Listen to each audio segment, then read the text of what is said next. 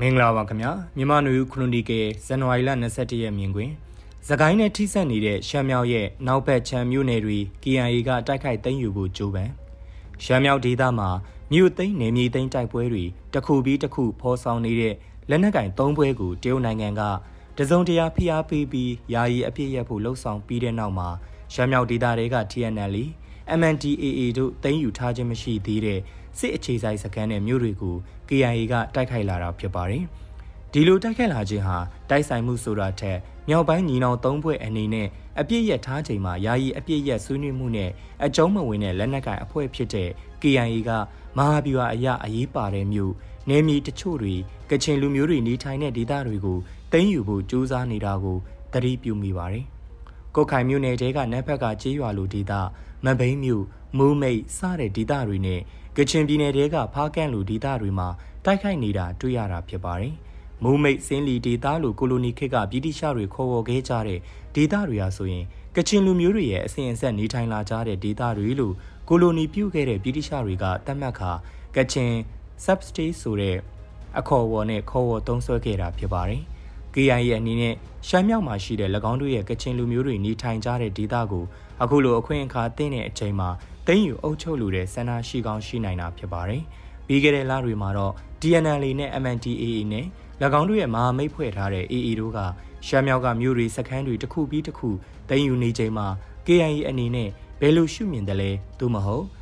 FPNCC လို့ခေါ်တဲ့ Federal နိုင်ငံရေးဆွေးနွေးတိုင်ပင်မှုကော်မတီအဖွဲ့ထဲမှာအဖွဲ့ဝင်ဖြစ်တဲ့ KIA နဲ့ လက်တလောစစ်စင်ရေးမှာပါဝင်နေတဲ့လက်နက်ကိုင်အဖွဲ့တွေရဲ့ကြားညှိနှိုင်းဆွေးနွေးမှုတွေရှိနေသလားဆိုတာရှင်းရှင်းလင်းလင်းမသိနိုင်ပါဘူး။ KIA လက်နက်ကိုင်အဖွဲ့ရဲ့လက်တလောထိုးစစ်တွေအပေါ်မှာရောတရုတ်နိုင်ငံကဘယ်လိုသဘောထားသလဲဆိုတဲ့မေးခွန်းလဲရှိနေတယ်လို့မြောက်ပိုင်းညီနောင်သုံးဘွဲရဲ့စစ်စင်ရေးတွေတိုက်ပွဲတွေကိုယာယီအပြစ်ရဖို့တရုတ်နိုင်ငံကလူလားခဲ့တယ်လို့ KIA ရဲ့ထိုးစစ်တွေကိုပါဖိအားပေးလာနိုင်သလားဆိုတာလဲတွေးစရာရှိလာပါတယ်။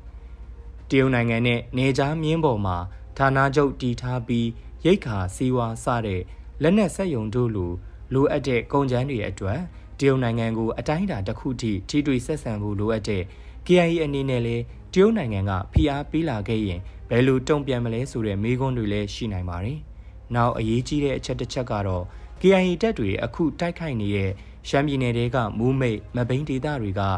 စကိုင်းတိုင်းအထက်ပိုင်းနဲ့ထိစပ်နေတဲ့ဒေသတွေဖြစ်တာပါ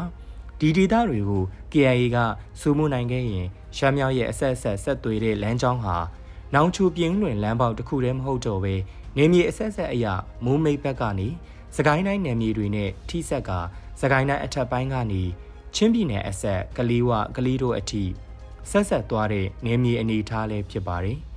အချို့သောတော်လန်ရေးလက်နက်ကိုင်အင်အားစုဘက်ကသူတွေမှန်းဆသလို ရှမ်းမြောက်စကိုင်းတိုင်းအထက်ပိုင်းနဲ့ချင်းပြည်နယ်အထိသိမ်းယူနိုင်တဲ့နေမြေတွေဆက်ဆက်မိရင်စစ်ကောင်စီကိုမဟာဗျူဟာအရကြီးကြီးမားမားဖိအားပေးနိုင်ပြီးမုံရွာမန္တလေးမြို့ကြီးတွေကိုချင်းချောက်နိုင်မဲ့သဘောရှိတယ်ဆိုတဲ့အချက်ဖြစ်ပါတယ်။အဲဒီလိုအနေထားအရှိမြောက်နဲ့အလဲပိုင်းအနောက်ပိုင်းတစ်ဆက်တစ်ဆက်တည်းလှုပ်ရှားနိုင်ပြီးတော့မြန်မာနိုင်ငံမြောက်ပိုင်းကချင်ပြည်နယ်က